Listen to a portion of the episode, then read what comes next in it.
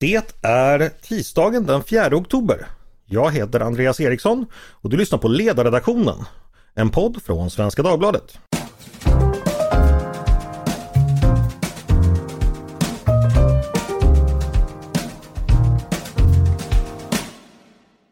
Varmt välkomna hörni, så här på kanelbullens dag. Idag ska vi vända blicken mot Storbritannien, vårt, vår stora allierade i väster. Landet styrs ju sedan ungefär en månad av den nya premiärministern Liz Truss.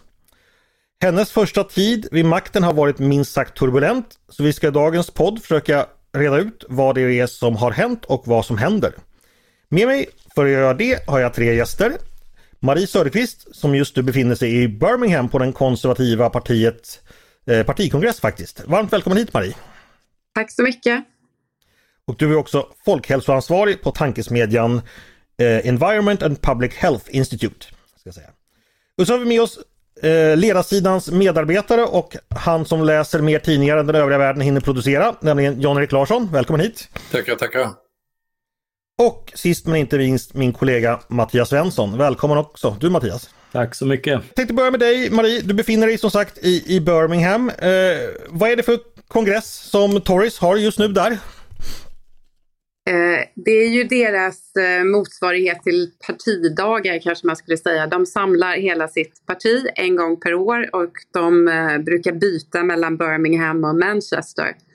Mm. Och det beskrivs som en av världens största partipolitiska konvent. Och det är lite som att vara i, i en mässhall för politiska idéer. Mm. Det låter jättehäftigt. Det är som Almedalen men ett enda parti. Ja, hur kommer det sig att du är där då? Ja, men jag jobbar ju precis som du nämnde med folkhälsofrågor på en nystartad tankesmedja. Och då har jag varit i kontakt med en del eh, brittiska motsvarigheter och med personer som jobbar med folkhälsa. Och då blev jag tillfrågad om jag ville komma hit. Eh, det är faktiskt till och med så att den ministern som har ansvar för folkhälsa här, hon är ju också vice premiärminister. Så hälsa känns som ett stort tema i Storbritannien. Och hur skiljer sig en brittisk partikongress från en svensk? Är det, är det stor skillnad? Eh, ja, det är jättemycket som är skillnader. Jag, jag ska ju säga att jag är veteran. Jag var ju på mina första någon gång i slutet på 90-talet när jag eh, började åka på olika partievent, eh, svenska varianter. För det första att det är så gigantiskt stort. Eh, mm. Sen också att det är så många olika, de här partierna tjänar pengar på sina partidagar. Det är jättestort inslag av näringsliv och sponsorer och eh, internationella gäster och människor som då driver olika typer av välgörenhetsorganisationer har som ett helt eget mässområde där de eh, pratar och diskuterar med varandra. Och det som också slår en det är ju att det konservativa partiet i Storbritannien och där kan säkert Jan-Erik komma med synpunkter och åsikter, framstår som om man skulle slå ihop SD, Kristdemokraterna, Moderaterna, Liberalerna och till och med Centerpartiet i ett parti. Mm. Så man kan gå liksom 50 meter och möta två ganska olika åsikter som framförs med samma eh, skickliga argumentation eh, och som då finns i samma parti. Mm.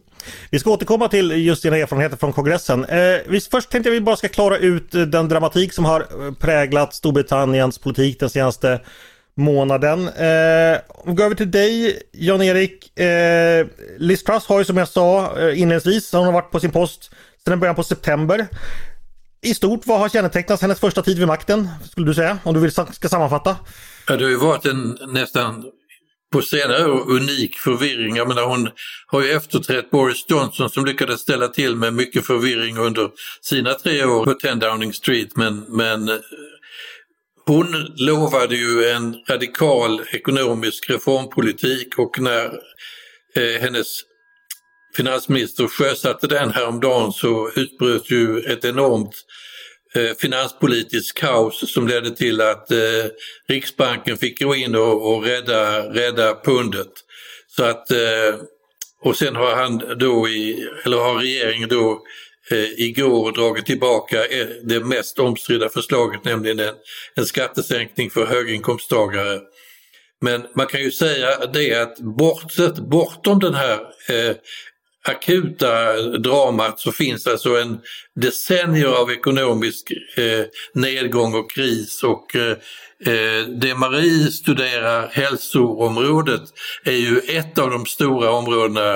Eh, man har ju en, sedan 50-talet så har man ju en av världens största byråkratier, nämligen det nationella hälsosystemet som kostar enorma summor och som är, är, sägs vara mycket ineffektivt. Det, det lär vara att endast den kinesiska folkarmén har fler anställda än NHS.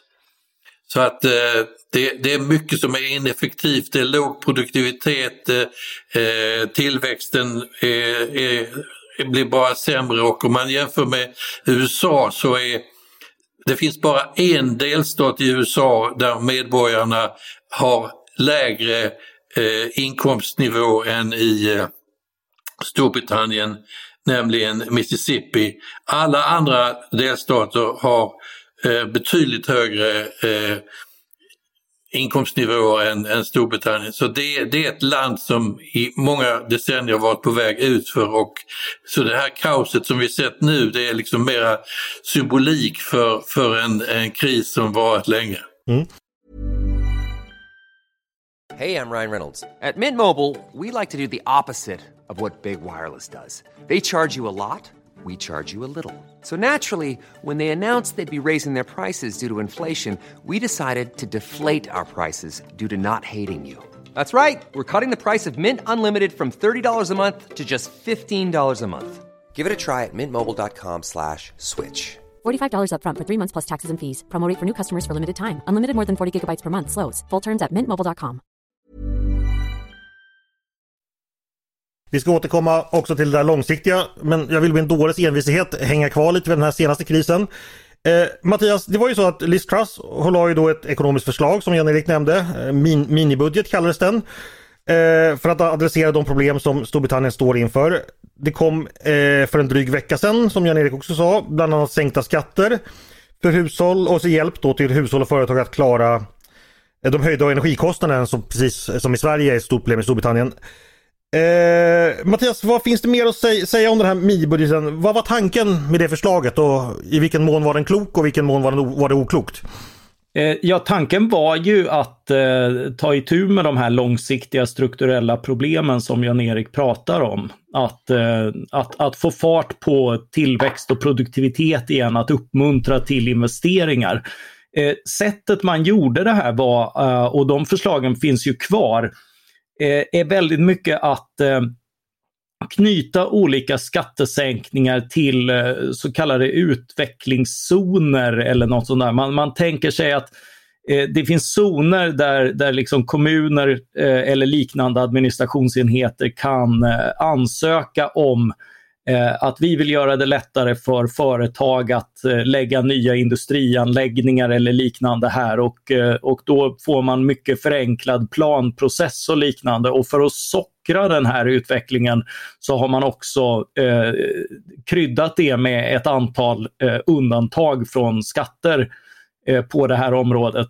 Vi vet inte idag hur, hur stort intresset är för det här. Eh, det har ju funnits liknande förslag på på många skrivbord med frizoner och liknande. Man har testat det i eh, eh ja, alltså Kina testade ju i, under sin eh, liberaliseringsperiod och, och eh, liknande tillväxtländer har, har ibland gjort det för vissa zoner och fått ett uppsving. Men, men försöken att implementera det i, i rika länder, där menar kritiker att det, det lär snarare få företag att flytta precis över gränsen till en sån zon och få en massa fördelar och att man mer flyttar om tillväxt än får fart på den. Så, så det, det, är ett, eh, det, det, är ett experiment som, eh, som liksom, vi bara sett utkastet på än så länge och där ligger mycket av, av de här skattesänkningarna. Men det finns också generella skattesänkningar på företagande och inkomster. Ja, och följden blev ju då som Jan-Erik sa ett kraftig reaktion på marknaden. Pundet störtdök ju och eh, eh tilltron till, till brittiska statspapper föll likaså. Vad var det som hände? Vad, vad, vad berodde det på Mattias? Eh, ja, det är ju då att, eh, att man lägger ofinansierade förslag och då ska, man ju, då ska man ju komma ihåg, det har glömts bort väldigt fort att det här paketet på 45 eh, miljarder pund i, eh, i skattesänkningar eh, drunknar ju i jämförelse med 60 eh, miljarder pund för eh, eh, för de här eh, energisubventionerna som, som lite grann försvunnit. Men sammantaget innebär ju det att, att man skuldsätter eh, den brittiska staten väldigt hårt och den är redan väldigt skuldsatt. Alltså det ligger på skuldsättningsgraden ligger redan på ungefär 96% av BNP. Sverige har, har ungefär 30-40% i skuld. Nu ligger ju vi lågt, men, men länder som börjar dra uppemot 100 eh, ansåg man ju för inte länge sedan var, var liksom det, det, det var sånt som fick eh, IMF och andra att rycka in. Nu, okay. ja. så, så marknaden tyckte trodde helt enkelt att Liz Truss drog in Storbritannien i statsfinansiell eh, fiasko helt enkelt? Man, man underminerar ju statsfinanser genom att, eh, att ytterligare förstärka eh, skuldsättningen när man redan är så skuldsatt och det gör ju förstås att, att räntor går upp. Sen har det ju då tickat ett antal bomber, just det här som händer på Eh, på pensionsmarknaden är ju att eh, pensionsföretag har varit tvungna att spekulera i rätt udda, udda statspapper för att få avkastning på pensioner överhuvudtaget i, i nollräntemiljön. Så det är lite grann en katastrof som, som hade kunnat triggas av nästan vad som helst och nu triggades det av den, den här händelsen. Okej. Okay. Eh, Marie, när du är på plats i Birmingham, vad säger folk om den senaste veckans turbulens? Det, finns det någon allmän uppfattning? Ja, det finns det. Eh, det finns ju de som säger hon blir inte kvar till eh, jul ens. Hon klarar inte året ut. Eh, jag ska inte säga att det är en majoritet som säger det, men det är en falang. Eh, och förklaringen till varför det gick så här fel, om man också tittar då i partiet, eh, så är det dels att man beskriver att vad, eh, vad hon gjorde när hon fick partiledarposten och blev premiärminister, det var att tillsätta sitt gäng. Och de är alla då eh, alltför hårdföra nyliberala ekonomer. Och hon har inte förankrat det här i partiet och de har dessutom varit väldigt dåliga på att förklara det. Så i de andra medlemmarna i partiet, inte ens tror jag alla helt överförtjusta i de här idéerna. De tycker att det är ganska avancerade ekonomiska, teoretiska idéer som man inte ens är säker på att man tror på. Och när man nu hör, jag vet inte om det står lika mycket i svenska tidningar, men att finansministern är ute och säger ja men jag har lyssnat, jag hör, därför ändrar jag om i det här. Så handlar det om att man har fått enorm intern kritik för att man inte lyssnat på de andra delarna i partiet och det är bara en falang av det här mycket, mycket breda partiet som då fått igenom sina åsikter i det här eh, budgetförslaget. Mm. Eh, när du nämner, eh, beskriver Truss som en, en nyliberal och hennes falang. Eh, det har ju dragits, i alla fall i svenska tidningar har det dragits en del paralleller mellan henne och Margaret Thatcher som tillträdde då för över 40 år sedan. Hur, hur eh, riktig är den beskrivningen skulle du säga och hur, hur mycket resonerar man i de termerna i Storbritannien? Jag testade den hypotesen på en sån här mycket rutinerad eh, partiveteran här som skrattade och sa nej, nej, nej, Margit Thatcher gjorde precis tvärtom. Hon plockade in alla sina motståndare i eh, regeringen så att de skulle sitta där så att de inte skulle kunna försöka bli av med henne med en gång och för att hon då skulle ha fast dem och dessutom kanske lyssna mer på dem. Liz har gjort precis tvärtom. Det är oskickligt och det visar att hon inte har någon näsa för politik. Hon har bara plockat in sina egna i regeringen. Jan-Erik, vad tror du? Eh, Liz Truss ställning inom partiet eh, efter det som har hänt? Jag, jag tror säkert att den, den bild som Marie tecknar är helt korrekt och jag, i de, de brittiska tidningarna är ju fyllda av, av liknande berättelser. Men samtidigt så har man nu haft, haft de här Boris Johnson-åren med, med enormt mycket, mycket kriser av olika slag och eh, att nu börja en ny partiledare vända eh, verkar väl inte så enormt roligt utan det får väl bli så att, eller jag gissar att hon kommer att, att inse att hon måste lyssna på en del av den här kritiken och kanske också när det gäller personsammansättningen i sin regering att, i svenska regeringar så avgår ju medlemmar aldrig, utom med döden.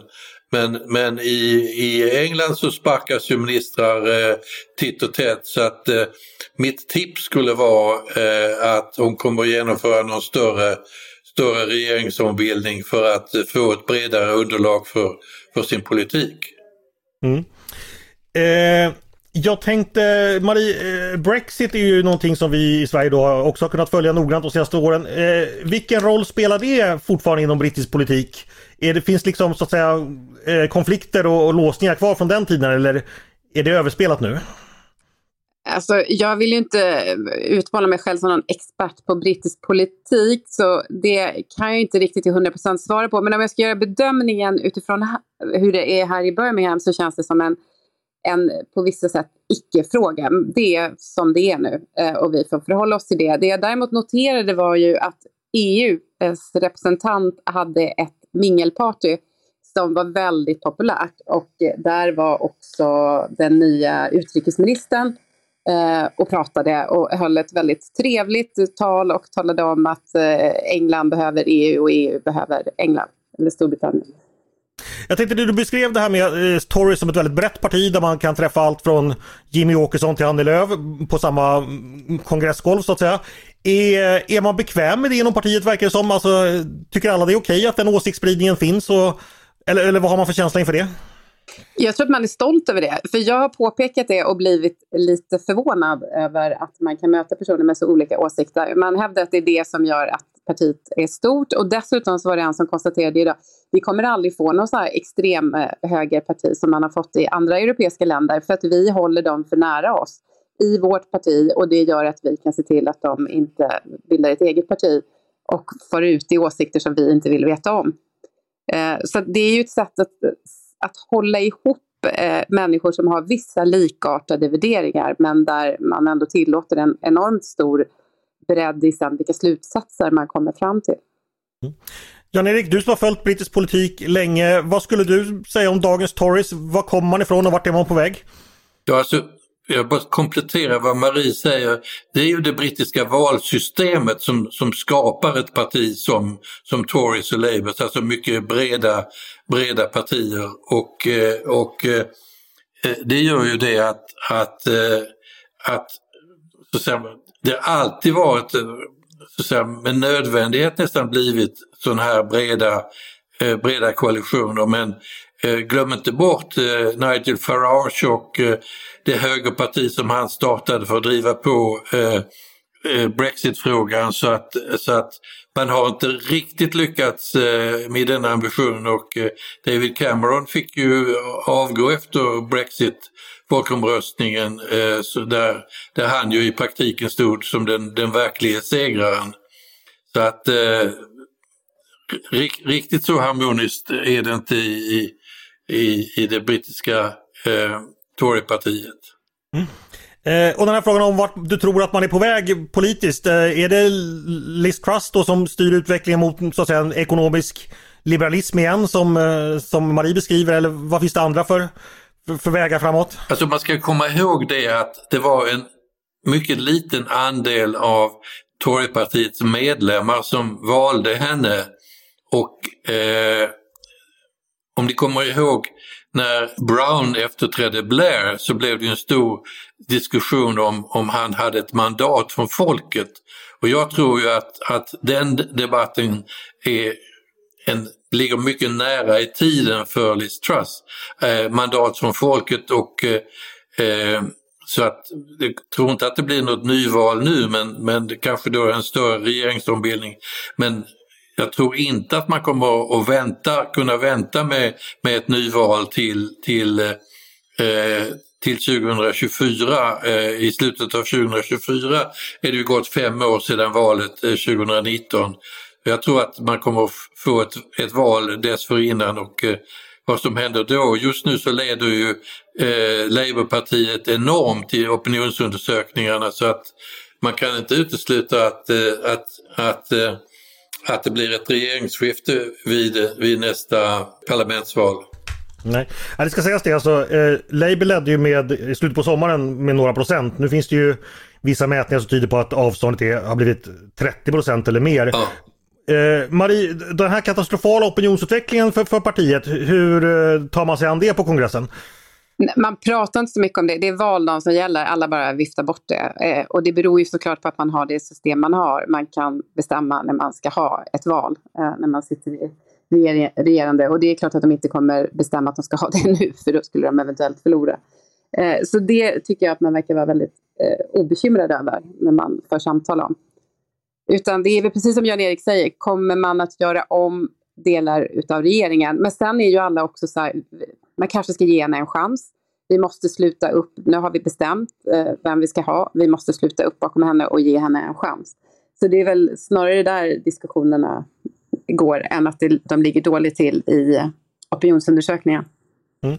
Mattias, vad tror du om Trusts framtid? Eh, ja, alltså vi ska ju inte glömma bort eh, när, när kritiken kommer att de kommer liksom inte från, eh, från opartiskt håll utan, utan det, det, finns ju dels en väldigt stor bitterhet i, i Boris Johnsons, eh, bland, bland alla hans anhängare eh, och, och dels från, från den förlorande falangen. Eh, och och eh, Truss har ju förstås inte sträckt ut, som eh, Marie var inne på, någon olivkvist och, och eh, fyllt sin regering med, med båda parter. Liksom. Där, där har hon ju inte gjort som, som Thatcher. Sen, sen är ju brittiska regeringar väldigt stora så Thatcher såg ju ändå till att, att, att i alla fall försöka driva igenom vissa ekonomiska reformer. Även om hon, även där liksom, det, det har ju skrivits upp i efterhand men hon lyckades till exempel inte privatisera bilfabriken British Leyland. Hon lyckades inte öppna eh, butiker på söndagar och liknande. Så, så det, det var en ganska eh, en ganska modest, eh, mycket välbehövlig men ganska modest reformagenda. Och samma här, det är ju liksom eh, det, det, det är ju inte i sig ett, ett paket på, på skattesänkningar för Eh, 45 miljarder som, som utgör den, den, den stora, eh, det stora kruxet här. Särskilt liksom är, det, är det konstigt att, att, att det, nämns, eh, det nämns så mycket mer om det och framförallt den här posten på 2-3 miljarder som var liksom inkomst eh, marginalskattesänkningar från 45 till 40 procent för, eh, för höginkomsttagare. Eh, och eh, och, och det gör förstås större skillnad på liksom en, ett upphetsat opinionsklimat eh, och, och, spekulationer än, än, än i den reala ekonomin. Eh, så där, där eh, får ju Liz Truss fortfarande, hon har ju några, några chanser på sig att bevisa eh, vad hon kan. Men, men det, mycket av det här, inte minst liksom att komma förbi ett, ett kvävande regelverk för, för tillväxt och så. Jag, jag är kanske inte jättehoppfull på att just de här, liksom, att, att försöka hitta undantag i utsatta områden tenderar liksom att bli väldigt lite för selektivt och, och kanske snarare liksom flytta runt eh, kontor och, och anläggningar eh, på, på, regionalpolitisk grund eh, mer, än, mer än för att det kommer att växa och ha potential att växa där. Mm. Eh, så så det, det, är frågan och sen Sen kan man ju fråga sig hur, alltså allt det här bleknar ju inför liksom att man har tagit i från tårna med mycket större subventioner än, än alla andra för, eh, för elräkningar och satt liksom ett väldigt platt pristak som, som ju då har, har väldigt, det, det gynnar ju högkonsumenter betydligt mer än, än andra. Så, så där eh, där är det ju svårt att se, se liksom det, det nyliberala i, i det här, utan man, man har fingret i luften som, som många andra. Jag, jag, tror att det är så att det är 2500 pund om året. Ingen ska behöva ta, betala mer eh, än mm. det i eh, elräkning och det är väl ungefär 30 000 om året och det är ju väldigt lite. Ja. Eh, som ingen, jämfört med vad de svenska elpriserna har blivit. Mm. Det, det, gör ju ingen, om, om du väl är över det taket så, så har du ju liksom hela... Då kan du bada hela tiden. Eller ja, exakt, exakt. Medan däremot är du under så uh, ja, då gör det inte så stor skillnad. Ja, och Mattias, jag såg på Twitter la du upp en, en graf som visade då de, de, brittiska subventionerna som del av BNP i relation till andra. Ja, det var väl lite diskussioner exakt vad den grafen visade, men vad som var tydligt var att de är väldigt, väldigt stora jämfört med många länder och väldigt stora jämfört med dem som vi hittills har haft i Sverige i alla fall. Ja, ja det, är både, det är både en modell som, som liksom, eh, riskerar att bli väldigt liksom, eh, gynnsam för högkonsumenter och, och ha liksom sämst möjliga incitament för just dessa. Och då kostar väldigt mycket. Så jag, jag är förvånad över hur, hur lite uppmärksamhet det fått för för liksom den, den finansiella stabiliteten. För det är klart att en, en, en sån åtgärd påverkar både energisäkerhet och finansiell stabilitet. Ja. Har du hört någonting om det, det Marie? Alltså hur har man reagerat på de här förslaget på enorma subventioner? Vad, vad säger man om det? Alltså, det, det, har ju i medierna inte alls uppmärksammats på samma sätt utan då diskuterar man ju förstås skuldsättningen å ena sidan. Är det verkligen rimligt att skuldsätta sig? Är det här en ansvarsfylld politik? Eh, men sen är det ju, skatten påminner, den här sänkningen då för de med allra högst inkomst, det är de som tjänar över ett, vad blir det, 150 000 pund om året, nästan 2 miljoner kanske.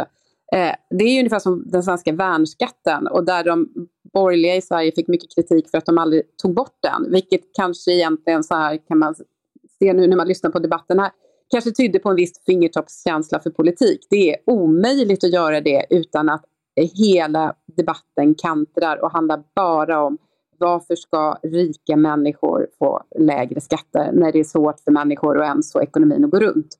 Så det har även de brittiska medierna varit överfyllda av och väldigt lite handlat om extrema subventioner. Utan snarare faktiskt debatten handlat om motsatsen. Är de tillräckliga och det är bara privatpersoner som är garanterade de här subventionerna. Företag är inte det lika länge och så. Det, det, är ju ironiskt eftersom det är pengar till samma grupper i stor utsträckning. Men, men det är mycket mer, eh, ses mycket mer illa att de får behålla pengar av sin inkomst. Mm. Än att de får dem i subventioner. Ja. För att de slösar på el och bor ja. väldigt stort. Men så där funkar ju politik och media ibland, Mattias. Hey everyone, I've been on the go recently. Phoenix, Kansas City, Chicago. If you're like me and have a home but aren't always at home, you have an Airbnb. Hosting your home or a spare room is a very practical side hustle. If you live in a big game town, you can Airbnb your place for fans to stay in. Your home might be worth more than you think. Find out how much at airbnb.com/slash host.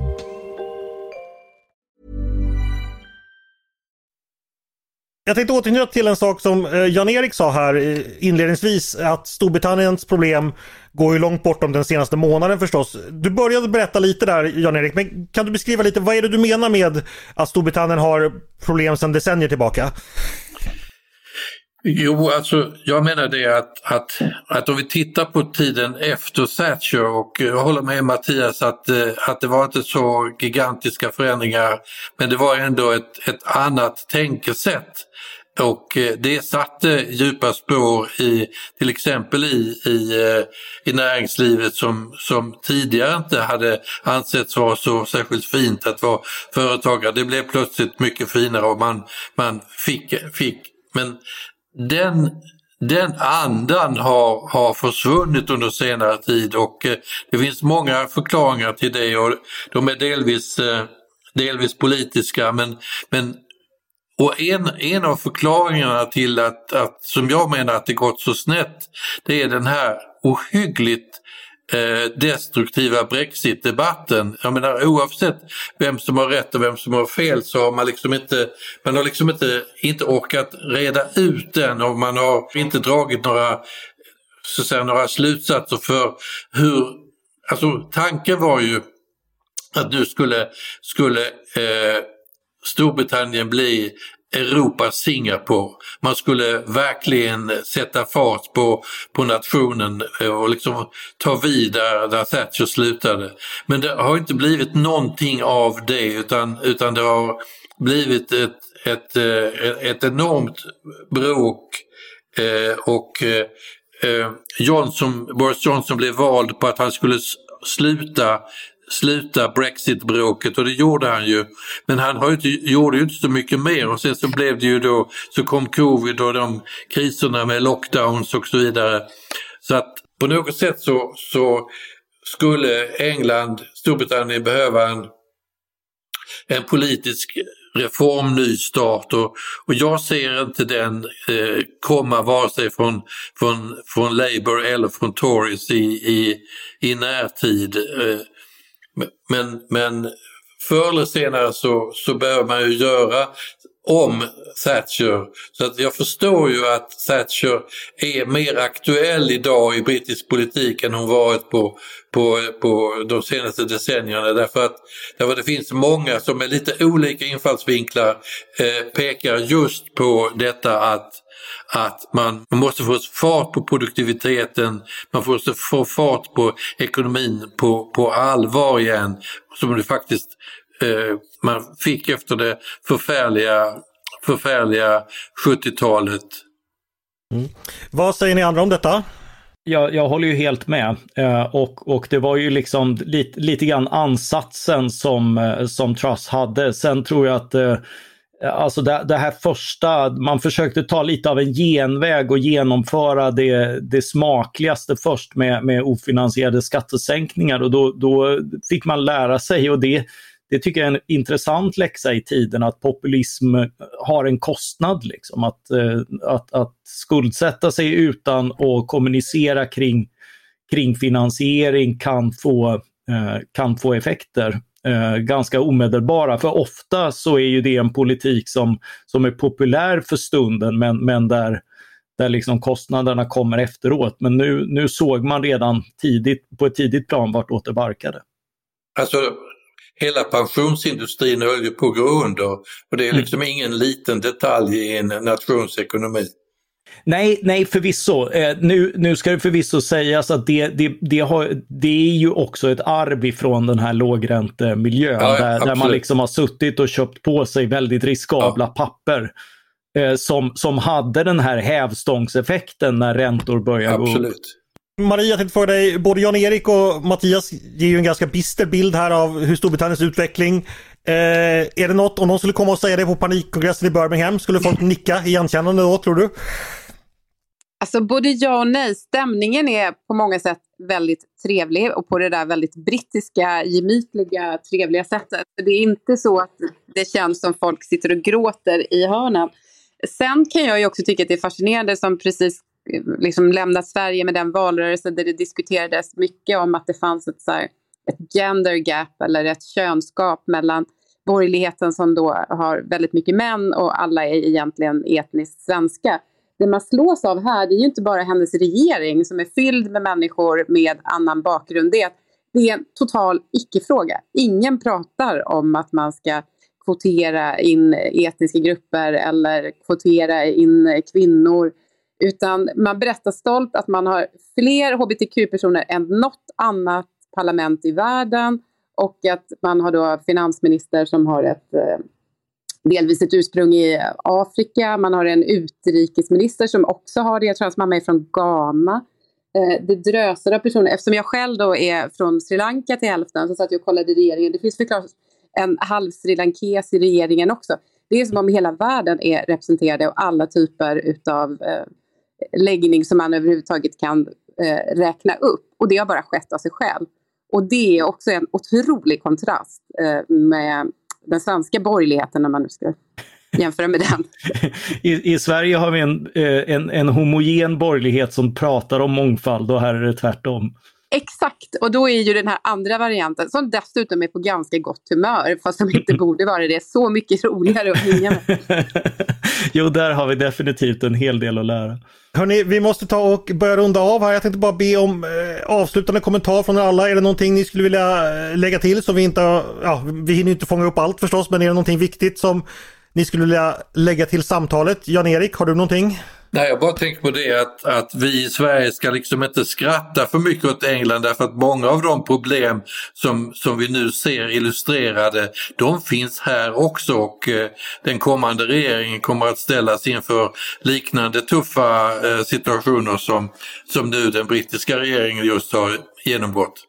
Mm. Inte skratta åt England Mattias, vill du lägga till någonting? Eh, jo men det är ju just att eh, vad, vad den här brittiska regeringen försöker ta tag i och har beskrivit som ett problem är ju just att göra ett uppbrott från väldigt mycket eh, ortodoxi kri, som, som liksom har, har administrerat den här stagnationen. Eh, man, man ser problem, man har försökt att adressera dem. Eh, det, man, man har inte börjat eh, med liksom det, det, det, det, har inte varit välkommunicerat och, och, man har gjort lite klavertramp, men intentionen och ambitionen och, och riktningen på många av de här reformerna, inte minst att liksom, äh, rensa i regleringsbörda, den är riktig och viktig. Mm. Och Marie, slutligen, någonting du skulle vilja avsluta med helt enkelt? Ja, men jag skulle vilja rekommendera svenska borgerliga partier att åka nästa gång. Då är det väl i Manchester då. Det, man får faktiskt en hel del saker att tänka på och man har en del att lära tror jag. Och jag har ändå träffat islänningar, norrmän, danskar, men inga svenska politiker på plats. Nej, då säger vi det till borgerliga partier. Go West, go till uh, Manchester. Är, är maten okej okay förresten Marie? På kongressen? Eh, det beror på. Om man gillar vitt bröd med mycket majonnäs som luncher ja. så då, då har man hittat sitt ställe att hänga på. Åh oh, gud, jag vill, jag vill åka till Manchester bara för maten. ja, vi hoppas vi inte skrämde iväg något, någon med majonnäsen. Men ta det på allvar ifall ni känner för att, ja, att ni kan ha någonting att lära. Åk till Manchester nästa år. Stort tack eh, till er alla, Marie Söderqvist, Jan-Erik Larsson och Mattias Svensson för att ni ville medverka i dagens podd. Tack så mycket. Tack så mycket. Tack. Och tack till er som har lyssnat också på dagens avsnitt. Jag hoppas ni lärde er någonting. Eh, det ni har lyssnat på det heter Ledarredaktionen, en podd från Svenska Dagbladet. Ni är som vanligt varmt välkomna att höra av er till oss på redaktionen med tankar och synpunkter på det vi har precis diskuterat. Eller om ni har idéer och förslag på det vi borde ta upp i framtiden. Maila oss då bara på ledarsidan snabel svd.se. Dagens producent, han heter som vanligt Jesper Sandström. Jag heter som vanligt Andreas Eriksson och jag hoppas som vanligt att vi hörs snart igen.